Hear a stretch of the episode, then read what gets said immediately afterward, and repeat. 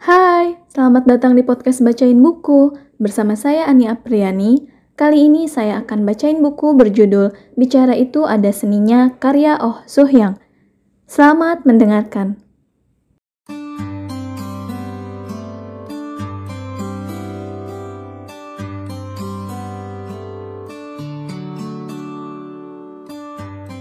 Pengakuan kecil yang menggema ke pelosok negeri. Ada seorang wanita yang mampu membangun kerajaan media bernilai satu miliar dolar hanya dengan mulutnya. Ia adalah Oprah Winfrey.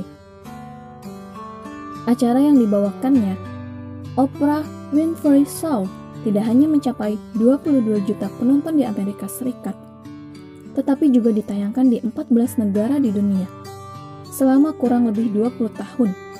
Acara ini terus merajai peringkat talk show televisi siang hari.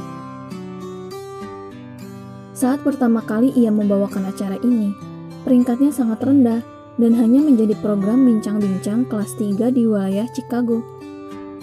Namun, dalam waktu sebulan, ia berhasil melambungkan peringkat acara ini dan mengubahnya menjadi Oprah Winfrey Show yang tayang secara nasional.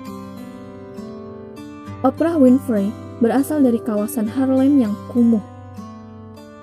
Tidak memiliki prestasi akademis, dan sebagai wanita pun ia tidak tergolong menarik. Bahkan, ia pernah mengalami kekerasan seksual dan merasakan getirnya menjadi ibu di luar nikah pada usia 14 tahun.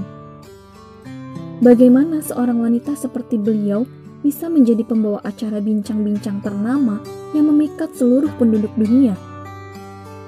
Semua itu berkat kemampuan bicaranya yang mumpuni. Banyak orang menyebut kelebihannya terletak pada rasa simpatinya. Ia mengganti kekurangannya dengan ucapan hangat yang mampu merangkul dan menghibur lawan bicara. Pada September 1986, seorang wanita yang dikucilkan akibat Inkes hadir menjadi bintang tamu dan menceritakan masa lalunya. Karena merasa dilihat oleh seluruh dunia, ia ragu-ragu untuk mengungkapkan isi hatinya. Obrolan terhenti dan suasana menjadi sunyi sehingga siaran tidak berjalan mulus. Saat itu, Oprah Winfrey membuka suara sambil menatap wanita itu dan berkata, Sebenarnya, saya juga pernah merasakan Suasana di studio langsung ramai bertanya-tanya apakah ada kesalahan pada acara tersebut. Sulit dipercaya bahwa seorang Oprah Winfrey adalah korban incest. Namun, hal itu benar adanya. Oprah dengan santai menceritakan masa lalunya. Sang bintang tamu pun memperoleh keberanian dan kemudian menuturkan kisahnya dengan lancar. Studio banjir oleh air mata dan tayangan pada hari itu menimbulkan reaksi hangat dari seluruh dunia.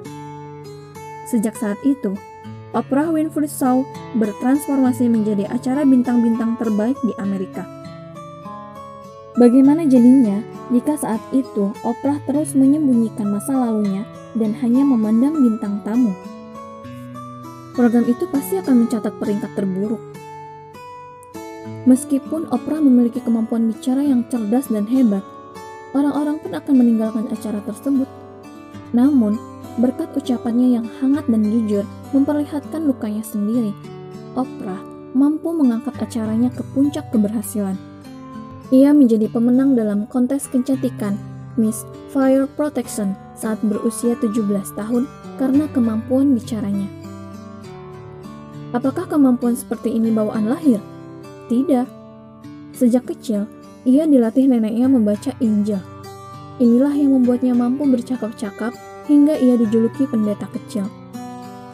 Kehidupan Oprah berubah karena berbicara ia menjadi pemimpin wanita dunia dengan ucapannya yang simpatik. Latihan di balik panggung gemerlap. Hal yang sama juga pernah terjadi pada Steve Jobs. Ia merupakan raja IT sekaligus presenter dunia. Kepopulerannya tidak diperoleh dalam waktu singkat. Ia berlatih tanpa henti dan tidak ragu untuk membuat presentasi dalam level terbaik. Dalam bukunya yang berjudul The Presentation Secret of Steve Jobs. Carmine Gallo mengatakan bahwa Steve Jobs merupakan aktor terbaik yang menampilkan akting sempurna di atas panggung. Seluruh gerak, persiapan, gambar, dan slide presentasinya membentuk kombinasi yang sempurna. Jobs terlihat sangat nyaman, penuh percaya diri, dan natural di atas panggung. Penonton melihatnya tampak begitu mudah melakukan presentasi. Sebenarnya, ada rahasia di balik itu. Ia latihan presentasi selama beberapa jam, tidak beberapa hari. Inilah yang membuatnya terlahir menjadi presenter andal dan berhasil mengukir nama Apple di hati seluruh penduduk dunia. Bersamaan dengan itu, Apple dapat berdiri menjadi perusahaan IT terbaik di dunia. Presentasi Jobs adalah faktor penting yang menjadikan perusahaannya berjaya seperti sekarang. Tidak ada Amerika maju ataupun Amerika konservatif, yang ada hanya Amerika Serikat. Tidak ada Amerika untuk kulit hitam, untuk kulit putih, untuk kaum Hispanik, atau untuk orang Asia. Yang ada hanya Amerika Serikat. Kita adalah bangsa yang satu. Seorang politikus yang sebelumnya tidak terkenal mendadak menjadi bintang akibat pidatonya dalam konvensi nasional Partai Demokrat di Amerika pada tahun 2004. Ia adalah Barack Obama yang berpidato dalam kampanye kandidat Presiden John Kerry. Suara baritonnya yang menggema telah mencuri perhatian seluruh masyarakat Amerika hingga akhirnya ia bisa melompat menjadi kandidat presiden. Sebenarnya berbicara tidak menempati porsi yang besar dalam hidupnya. Suatu ketika, saat masih kuliah di Occidental College, ia berkesempatan untuk berpidato satu menit tentang seseorang sedang menderita. Pidatonya memberikan kesan mendalam kepada teman-temannya dan menjadikan Obama muda bintang di sekolahnya. Sejak saat itu, ia mulai tertarik untuk berbicara di depan umum dan berlatih hampir setiap hari. Usaha inilah yang membuatnya bertransformasi menjadi pembicara terbaik dan dilantik menjadi Presiden Amerika Serikat pada tahun 2008. Hidup akan berubah jika pemikiran berubah.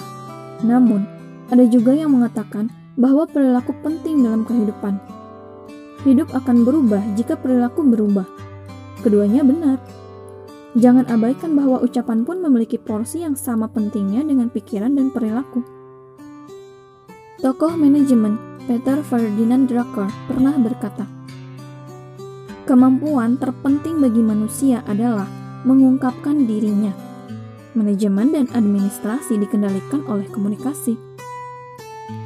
Apakah Anda berpikir bahwa pemikiran dan perilaku adalah esensial, sedangkan ucapan adalah konvensional? Kalau begitu, tidakkah Anda menjadi malas untuk tertarik dan latihan berbicara? Namun lihat, bukanlah berbicara secara mutlak menempati porsi yang besar dalam kesuksesan hidup Oprah Winfrey, Steve Jobs, dan Barack Obama Ketiga pemimpin ini mengubah hidup mereka dengan kemampuan berbicara yang berbeda dengan orang lain. Jika mereka tidak menumbuhkan ketertarikan yang khusus terhadap berbicara dan tidak meningkatkan kemampuan mereka, tentu tidak akan ada mereka yang sekarang. Satu hal yang bisa dipastikan, hidup akan berubah dengan mengubah cara bicara.